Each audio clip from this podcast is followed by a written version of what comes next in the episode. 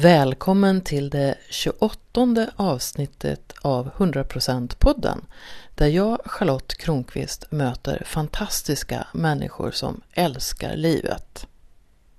Och idag ska du få möta en person som säger att det vi tänker mest på är det som vi blir bäst på.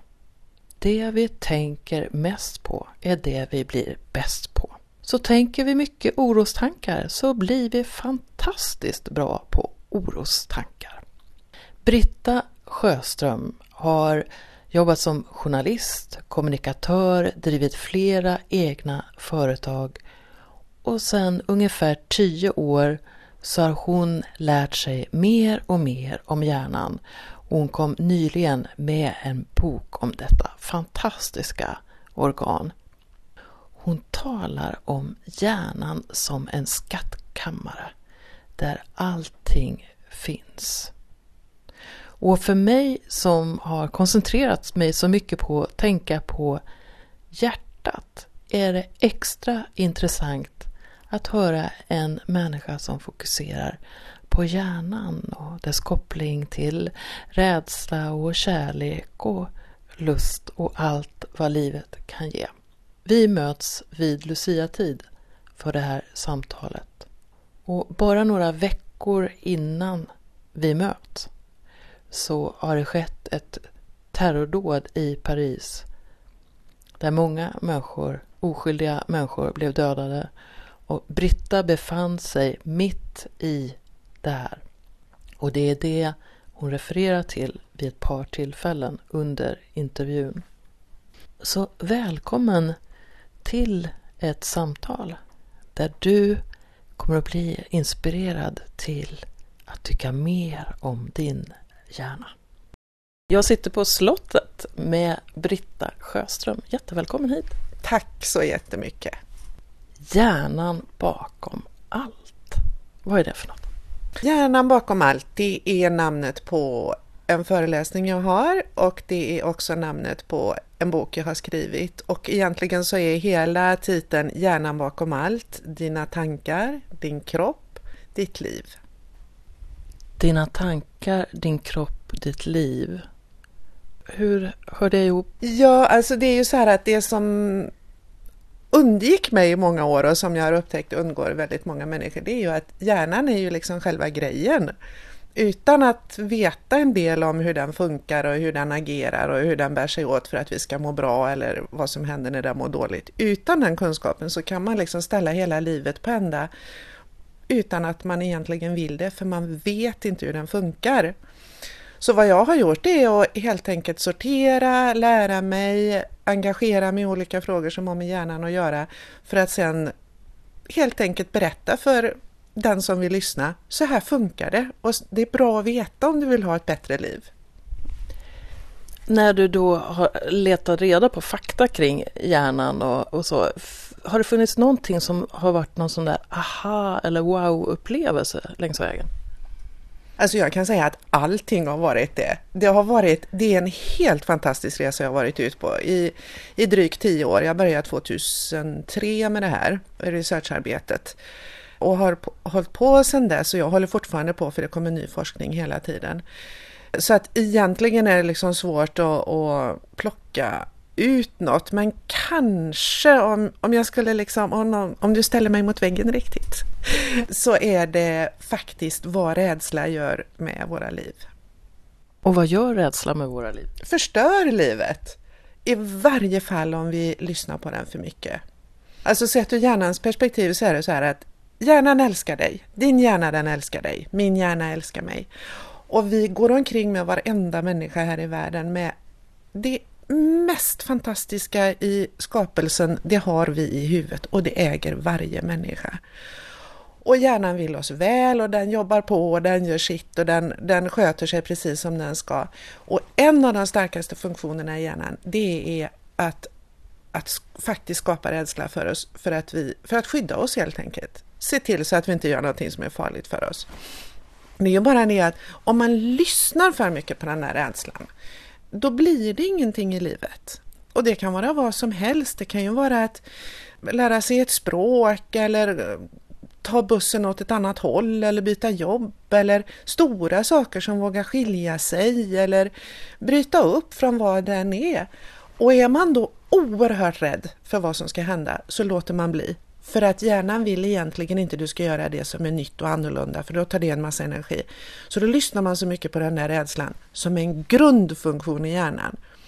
Och så lyssnar man inte på det som är drömmen och det som är längtan och det som är hjärtat och det som är kärlek och det som är allt det där underbara som väntar en. Utan man lyssnar på skräcken och rädslan. Och så stannar man på sitt plats. Och så får man inte det underbara livet man förtjänar. Om vi säger att jag är då jätterädd och jag vill överlista hjärnan på något sätt för att komma till att göra egna självständiga val och möta kärleken och passionen eller vad det är. Vad behöver jag göra då i förhållande till hjärnan? Alltså det bästa sättet att, som jag ser det, det är att träna sig. Alltså om man lägger bort all sån här, eh, vad ska man säga, vanföreställningar eller man har alldeles för mycket respekt för hjärnan skulle jag vilja säga. Man, vi betraktar, nu sitter du och jag här, vi betraktar hjärnan som vilket organ som helst. Ja. Och då vet vi det att om vi ska lära oss att äta någon ny slags mat eller vi ska få bättre kondis eller mus bättre muskler eller någonting så vet vi, både du och jag och varenda människa på hela jordklotet egentligen, att då får man börja att träna. Och då kan vi se på hjärnan på precis samma sätt. Det vill säga, om jag nu är väldigt rädd för förändringar, om jag har bott i samma hus i hela mitt liv, jag har bott på samma ort i hela mitt liv, jag har gått till arbetet, jag har haft samma relationer och så vidare. Då är jag inte van att träna min rädsla. Utan då blir jag egentligen på ett eller annat sätt fånge hos mig själv. Så då får man börja träna och göra lite förändringar och det kan man göra på det enklaste sättet.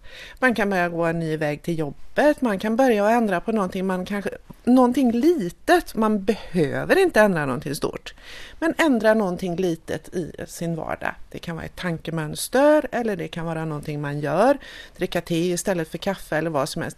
Men framförallt så måste man ha någon lust och längtan till att göra en förändring.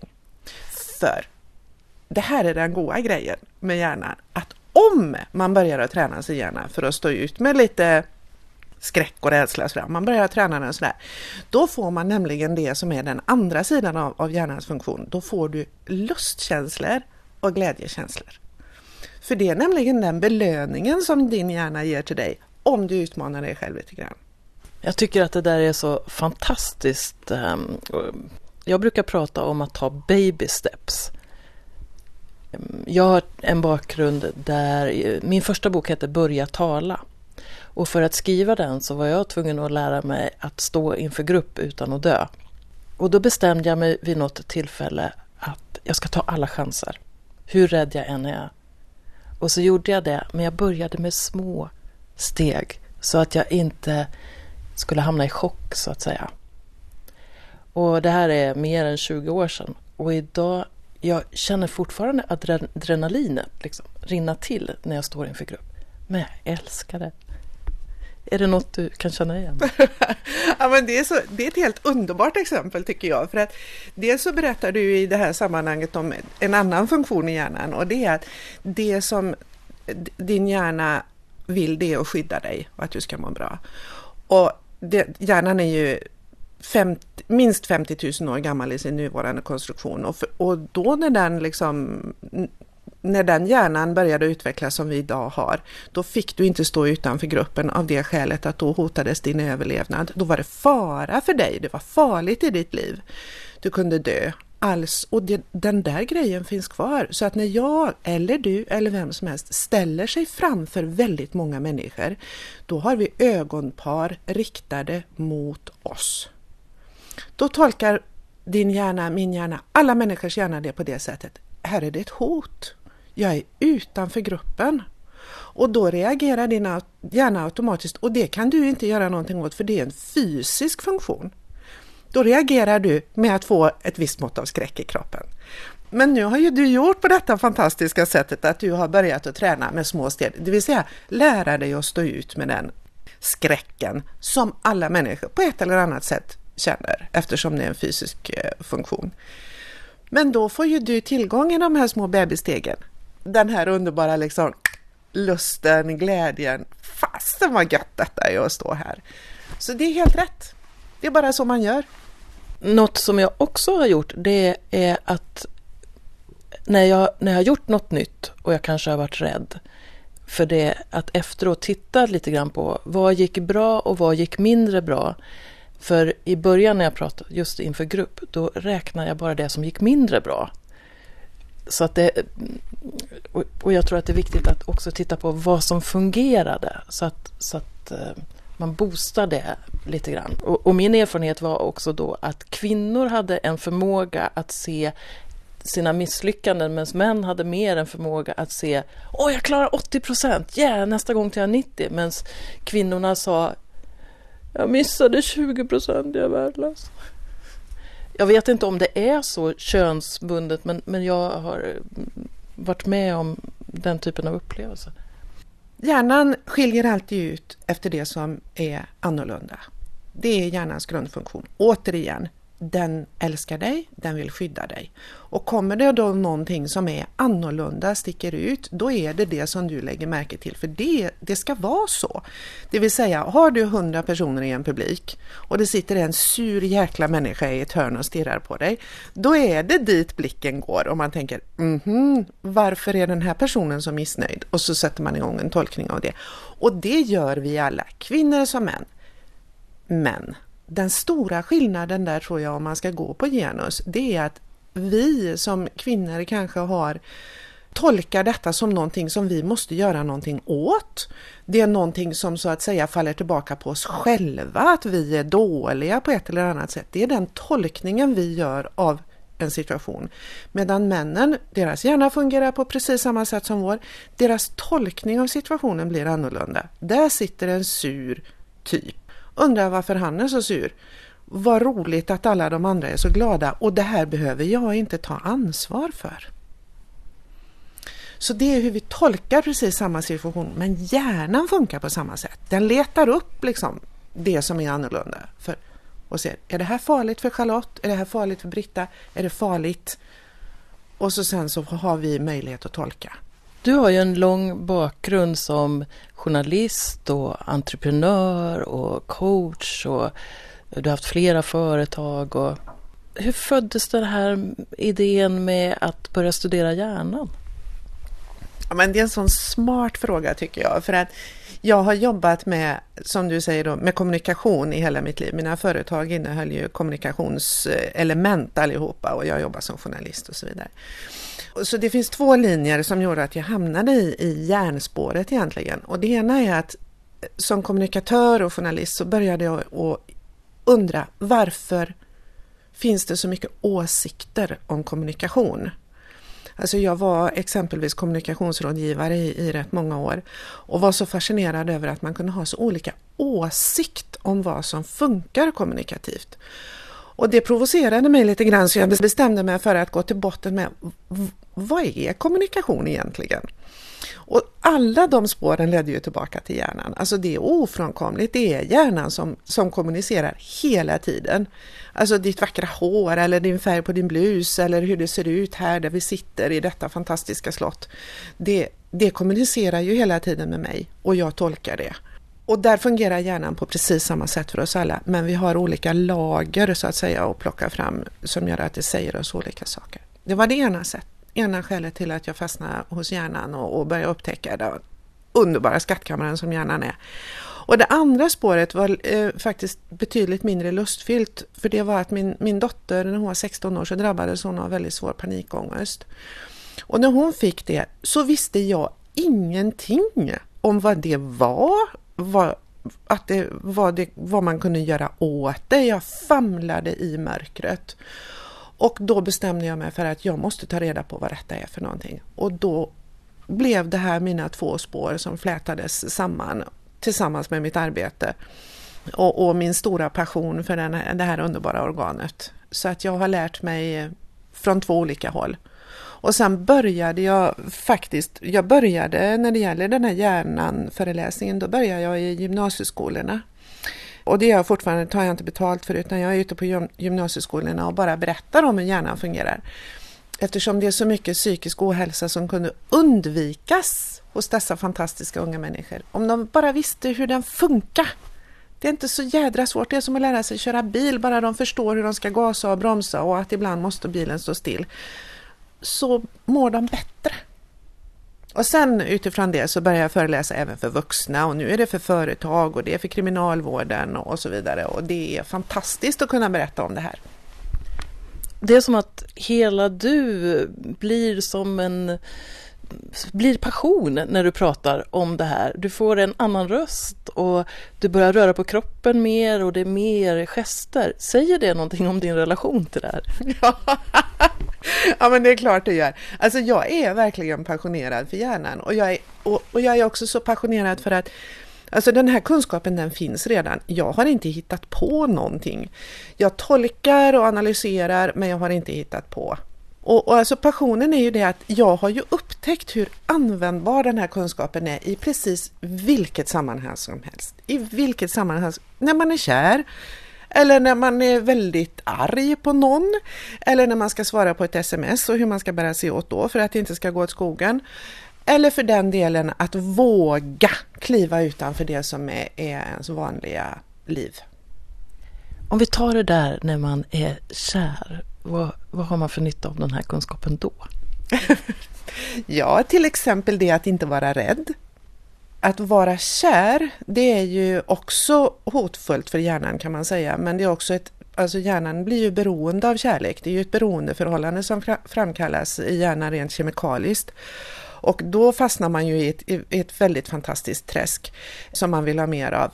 Och samtidigt så kan man ju då bli väldigt, väldigt rädd. Eftersom du går, dig, du går ju in i en helt ny värld som du inte vet någonting om och du har ingen kontroll. Du har ingen kontroll. Och vad vill hjärnan? Den vill att du ska vara säker. Och för att du ska vara säker, hur ska du ha det då? Tryggt. Och? Som vanligt. Mm, och kontroll. Mm. Och då är det ju väldigt lätt att man kanske börjar att kontrollera inte bara kärleken utan sig själv och också den som man är väldigt kär i. Och det är ju liksom vägen till helvetet. Den ska man inte gå på. Utan man får släppa taget om den här rädslan, hur hemskt det än är. Och så istället tänka, bak, om jag går nu igenom den här skärselden och släpper taget om min rädsla så väntar det fantastiska saker på mig där. Och det är klart att det kanske det inte gör. Alltså man kan ju bli övergiven. Men å andra sidan, det kan ju bli tvärtom också. Så det gäller att våga släppa taget om, det är rädslan återigen, släppa taget om den här rädslan och, och se på den lusten man kan få utav detta istället. Både du och jag har ju varit med om, om vi är i den åldern att vi har varit med om separationer. Och då eh, har, har, du nytta av, har du haft nytta av hjärnan också i ditt personliga liv när det har skett stora förändringar i det? Alltså det är återigen en jättebra fråga. Jag är jätteglad att jag får den av det skälet att det ger mig möjlighet att säga två saker så, och det inte går att glömma bort, så att de inte glöms bort. Och det ena är att jag har nytta av detta hela tiden överallt. I, jag kan ge två exempel. Det ena är ju att jag skilde mig för ett par år sedan och det andra är att jag satt i Paris mitt i eh, terrorattacken för bara några veckor sedan. Verkligen mitt i, så att säga. Båda de händelserna hade jag sån enorm nytta av att veta någonting om hjärnan. För att hjärnan hänger nämligen ihop med resten av kroppen. Den är inte ett organ som liksom vi bär i en liten väska bredvid oss, utan det är den som sköter allting. Och hjärnan påverkar hela tiden allting i kroppen. Så under tiden som min skilsmässa pågick, även om vi skilde oss i, i som vänner faktiskt, det var inte någon, det var inte någon stort drama på det sättet, vi, vi var överens. Men det påverkade mig fysiskt på ett enormt sätt. Alltså jag blev så fruktansvärt trött. För att det var den största förändringen som jag var med om sedan jag fick barn så var det ju att, att, att lämna min man som jag hade varit gift med i 30 år. Alltså det ställde om allting i min hjärna och det gjorde mig extremt trött och väldigt konstig i magen. Alltså hela jag var i totalt uppror och väldigt svajig överhuvudtaget, både fysiskt och mentalt. Men om man vet då att det här är ett organ, vilket som helst, som plötsligt måste ställa om alla sina parametrar, alla sina tankemönster och så vidare. Om jag inser att det här är ett organ som nu jobbar på för fullt, då får jag ju bara ta hand om detta fantastiska organ på det bästa sätt jag kan. Sova när jag är trött, äta bra mat, gå ut, vara med vänner som gör mig glad. Skita i de människorna som faktiskt inte gör mig något gott. För att ta hand om det som är mitt organ som i sin tur tar hand om hela min kropp. Och bara en kortis eh, vad det gjorde att jag visste någonting om hjärnan när jag var i Paris.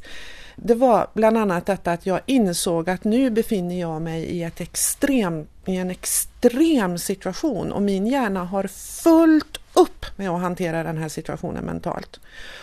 Och därför blev jag heller inte rädd när jag säga, två dagar efter de hade varit ute på gatorna och, och, och skjutit så slog eh, en, jag har en kronisk hudsjukdom som slår till mig jämna mellanrum. Och då tog den fart och bara fullständigt blommade upp. Och då behövde jag inte tänka så här, jaha det var ju typiskt att detta skulle komma nu också. Nej, jag behövde inte tänka så, utan jaha, där ser man min stackars hjärna har fullt upp och sköta allting annat så den orkar inte hålla emot det här i kroppen längre. Och så kunde jag vara lugn, bara tänka, ja ja, nu det kommer att hålla på ett tag och så går det över igen. Och det har det gjort. Så den här kunskapen skapar någon slags grundtrygghet i dig? Verkligen. Och en förståelse för mig själv, en förlåtelse för mig själv, en tröst för mig själv. Att det är inte så jädra farligt. Och det är, också, det är ju det som jag vill förmedla till alla andra människor också, till dig och vem jag än möter, att det är inte så farligt. Det händer, hjärnan gör det den ska, det går över. Bara förstå lite, lite grann om detta så blir det faktiskt bättre och roligare. Du är ju kommunikolog också och du har ju hållit på med kommunikation och så hjärnan. Finns det någon koppling här med, med, med kommunik kommunikologi? Det var rätt. Absolut, jo men det finns en koppling och den är ganska fantastisk och underbar för att kommunikologi är, eh, kan man säga, på förenklat uttryckt, ett, eh, ett, en analyskunskap. En, en eh, metadisciplin som egentligen innebär att du kan analysera och filtrera vad som helst som har med mänskligt beteende och, och, mänsklig kommunikation att göra. Det låter mycket mer komplicerat än vad det är. Det finns ett antal enkla eh, nycklar kan man eh, kalla det som, som gör att du kan sortera upp den kommunikationen du ser. Och det här är egentligen det som pågår i hjärnan också, att du kan sortera utifrån hjärnan som system kan man säga. Nu har jag gått vidare från hjärnan som system och också gått in på den olika fysiologiska och biologiska aspekter. Men kommunikologi och hjärnan som system har en, en stark koppling till varandra eftersom de sorterar kunskap och information på ungefär samma sätt, på ett likartat sätt. Du sysslar med hjärnan och relationen till kroppen och tanken och vad var det tredje? Vad man väljer. Jag sa faktiskt ditt liv, att boken handlar om ditt liv, men det, den här titeln är korrekt, dina val. Och då funderar jag på, när du har gjort den här närstudien av, av hjärnan, finns det någon andlig dimension i det här? Det är så, det är så här med hjärnan, att den är, den är magisk. Och jag vet ni hade skrivit boken och, och hade kontakt med en, en eh, psykiatriker, en, en överläkare i Uppsala. Så hamnade vi just i den diskussionen. Finns det någonting mer i hjärnan än de tankarna vi bestämmer oss för att vi ska ha? För man kan ju otroligt lätt påverka sin egen tankevärld. Och alltså den diskussionen är evig för att ja, hjärnan tänker. Men vem, vem tänker tankarna? Tankarna finns, men vem är det som tänker dem? Och jag kan, alltså jag kan inte svara på detta mer än otroligt personligt och det är att för mig är det fullständigt glasklart att det finns en andlig dimension bakom hjärnan. Alltså den är för mig fullständigt, den är jag helt säker på. Och, och det är också sånt som numera kommer fram i, i Nobelprissammanhang för att för två år sedan så fick en, en person eh, kommer tyvärr inte ihåg eh, hans namn just nu, men fick Nobelpriset för kvantmekanik och kvantfysik, vilket är en del av den andliga världen av hjärnan. Svaret blir kanske inte så perfekt som jag skulle vilja, men jag, men, eller jag vill egentligen inte det. jag vill att det inte ska vara perfekt. Utan det är bara så att det finns någonting annat. Och jag kan inte säga vad det är. Och det kan ingen. Är den dimensionen viktig för dig på något sätt? Alltså den är själva meningen. Det är ju den som, jag tror att det är ju den som leder en du sa förut passion och det här med passion det är ju en drivkraft, det är ju en drivkraft i ditt liv också.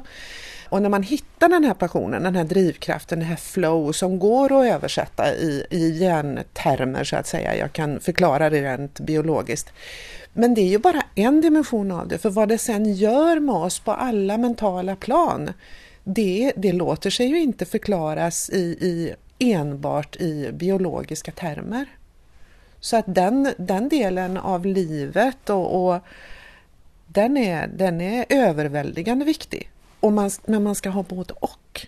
Det är inte antingen eller. Livet är inte så. Livet är både och. Det är både pain and pleasure. Alltså det är ont och det är härligt. Och det är hjärnan och det är något annat också. Jag brukar ju säga att jag sprider ord om kärlek. Så kärlek i väldigt vid bemärkelse är oerhört viktigt för mig. Så om, om jag säger kärlek till dig, vad, vad säger din hjärna då? Alltså, och då är ju det egentligen fortsättningen på det svaret som, som du redan har fått eller jag har försökt att förklara det är ju att kärlek är, kan förklaras i biologiska termer och vad som händer i kroppen rent fysiologiskt och så vidare. Och varför jag attraheras av en viss typ av personer, kvinnor eller män och vad det är jag tycker om och så, det kan analyseras. Men sen så finns det ju en annan dimension som har med, med, med något annat att göra. Och jag, för mig är det helt okej okay att låta det vara. Det är ungefär som att sätta igång och analysera eh, universum och Gud utifrån vad som står i Bibeln. Alltså, nej, det, det låter sig inte göras på det sättet. Det blir, jag känner att... Eh, det finns och du släpper taget om det? Typ. Ja, jag släpper taget om det. Det är inte viktigt, utan det viktiga är att leva sitt liv, att leva det livet man har fått på ett så underbart och fantastiskt sätt som faktiskt är möjligt och så se vad som händer. Och vad jag använder för att förmedla detta, att alla har ett sånt fantastiskt liv, det är att släppa taget om att vara rädd, förstå att det är någonting som pågår rent fysiologiskt i oss, att kroppen är en del av hjärnan och hjärnan är en del av kroppen.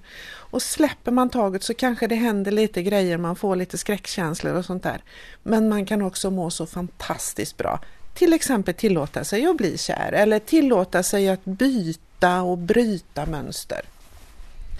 Du sa att din hjärna blev väldigt trött i samband med, eller du blev trött i samband med din separation eller din skilsmässa.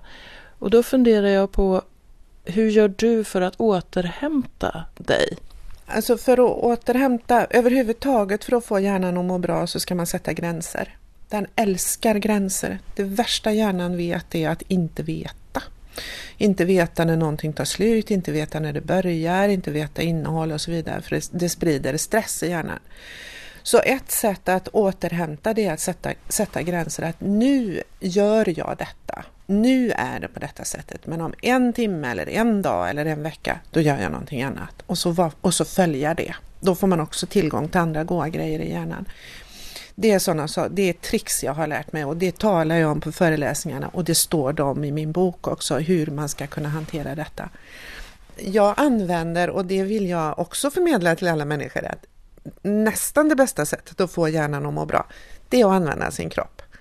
Det är att röra kroppen enligt speciella mönster. Alltså det här är också välkänt sedan ja, tusentals år tillbaka att det finns saker som heter yoga, tai chi, qigong och så vidare. Och det kan man då på ett förenklat sätt göra var man än är i livet, var man än sitter, står eller ligger, så kan man göra ett, ett antal enkla rörelser som gör att hjärnan får lugn och ro och mår bra.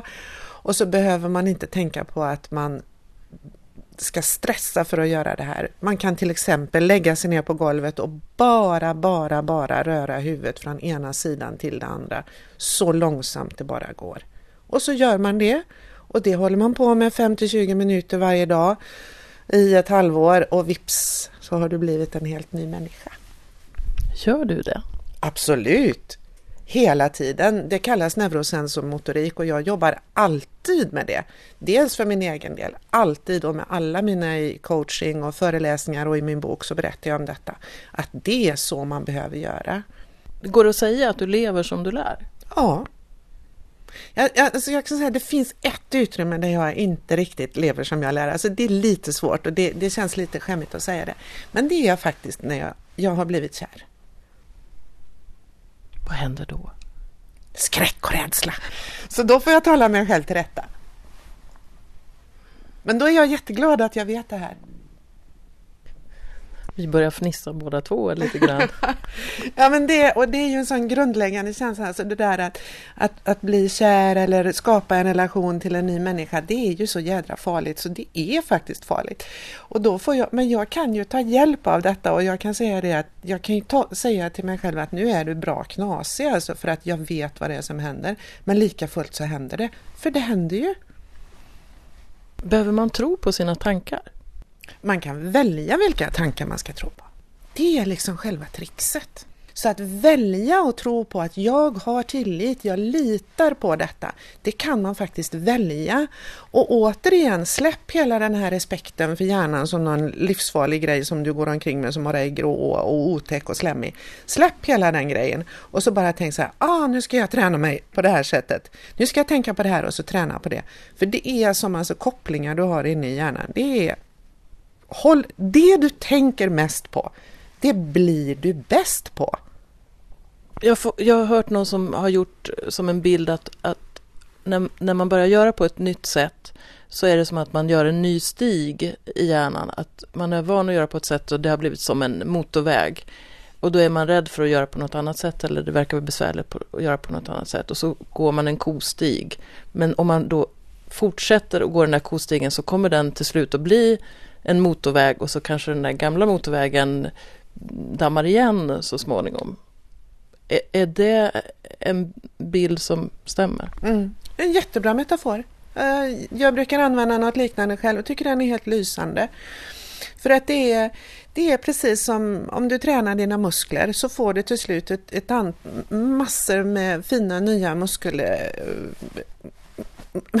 vad heter det, muskelfibrer och de blir starka och fina och sen så behöver du träna dem för att behålla dem i det fina skicket som de var och det är precis likadant med hjärnan. Alltså den metaforen du använder den är fantastisk och bara tänk som att det man tänker mest på, det blir man bäst på. Och en del människor är väldigt bra på att vara bäst på att oroa sig. De är jättebra på det. Och då är det så att om de då bestämmer så här, nej, jag ska inte vara en sån där person längre som oroar mig så mycket. Och säg då att de har varit i säg, 25, 30, 40, 50 år. Oro, det är de bäst på. Så ska de börja ändra det här. Och så börjar de att tänka, jag ska inte vara orolig. Och då ska man glömma, bort med ordet inte. Hjärnan förstår inte ordet inte. Det är ungefär som att säga, tänk inte på godis. Ja, när man ska sluta äta godis, då gör man ju naturligtvis det. Så istället tänka, jag är lugn och glad och lycklig. Tänka så istället. Och så börjar man att träna det där. Men då kommer hjärnan att ställa till ett spektakel. Av det enkla skälet att börja tänka den där nya tanken. Det är ju skitjobbigt för hjärnan. Det tar massor med energi. Och det vill inte hjärnan. Hjärnan vill spara på energi så att du håller dig eh, på mattan så att säga. Av det skälet att energi var det viktigaste att ha lager av för länge sedan när vi levde på savannen. Det är viktigt idag också, men så här funkar hjärnan. Den vill inte det, att du ska ändra dina tankemönster, för då blir du trött. Och det är farligt att bli trött, så då kommer du bli trött. Så fortsätter du ändå och ändrar dina tankar. Du tänker, jag är glad och lycklig. Jag är en glad och lycklig och balanserad människa. Du fortsätter, du hänger i. Ja, vad gör hjärnan då? Då skickar den ut grejer i, i andra delar av kroppen så det kanske börjar så att plötsligt får du ont i knät istället. Eller i magen eller kanske lite, du blir förkyld eller någonting sånt. Och tänk då återigen på det när jag var i, i terrorattacken i Paris. Kroppen orkade inte liksom hålla, i, hålla emot för hjärnan hade fullt upp med sitt. Det är samma sak. Kroppen protesterar när du håller på hela tiden ändra dina tankebanor för att hitta en ny stig. Det är stort jobb du gör. Och då hänger inte kroppen riktigt med och den protesterar för det ska ju vara som vanligt. Så det är liksom en match att ta sig igenom. Men belöningen är stor. Och man ska inte bli rädd när kroppen börjar att ställa till spektakel. Jag vet att under mitt första år då kring min skilsmässa som nyligen har slutat, då har jag haft mycket så här tryck över bröstet. Och det har jag också tolkat som att det är en slags reaktion på, på att det är mycket som processas mm. för att livet har ändrats mm. så mycket. Mm. Är det så du tolkar det då också? Eller möjlig tolkning? Ja absolut och egentligen så är det ju det, det, är ju inte det är ju inte så konstigt. Alltså egentligen när man tänker efter och tittar på det så är det ju helt som det ska vara du eller någon annan går ur en lång, kärleksfull, fantastisk relation och man är överens men ändå så ställs hela livet på ända för att relationen har varit stark och omfattande och omslutande och så kliver du ut ur den och det mesta i ditt liv ändras. Det vore ju väldigt, väldigt, väldigt konstigt om inte detta skulle påverka dig även fysiskt eftersom din hjärna är den viktigaste delen av din kropp och är det i din hjärna du har samlat alla de här fantastiska känslorna och kunskapen och erfarenheten av hela din långa relation. Det sitter där, det är en del av dig, det är en del av din hjärna, det är en del av din kropp. Det är klart att det händer något och bara man vet det, okej okay, stackars mitt tryck över bröstet, nu får jag ta hand om det.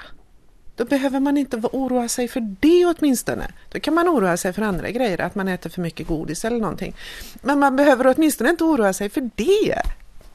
Om vi tänker oss att någon av de som lyssnar på 100%-podden är lite sådär skeptisk mot hjärnan eller så och skulle vilja bli lite mer vän med den.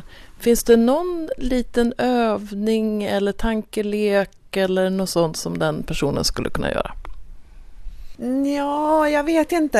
Jag, jag, tycker ju att man ska ge sig i kast med att läsa någonting om hjärnan, alltså något, något lättläst. Jag har skrivit min bok, det finns andra böcker också, det, det är bara att välja.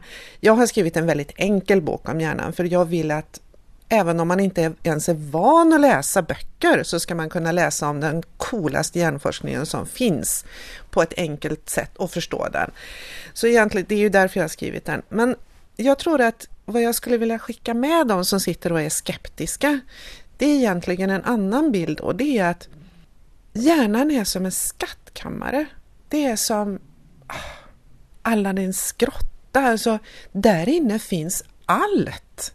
Där inne finns det mest fantastiska som överhuvudtaget går att hitta på hela vår fantastiska värld. Det finns i skattkammaren och den skattkammaren är din. Du äger den, det är dina skatter och du kan göra vad du vill med dem. Och de bara väntar på att få bli använda. Så jag bara säger älska hjärnan, älska skattkammaren, gå in i den, hämta det du behöver och bara liksom använda.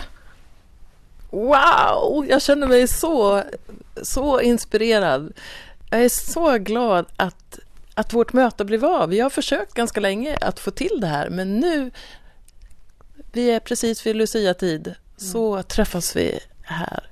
Mm. I, sl I slottet. Tack Britta. Tack så jättemycket. Hjärnan som en skattkammare. Sug på den. Vilken slags tankar väljer du att tro på? Hur uppfostrar du din hjärna? Vilka rädslor behöver du ta itu med?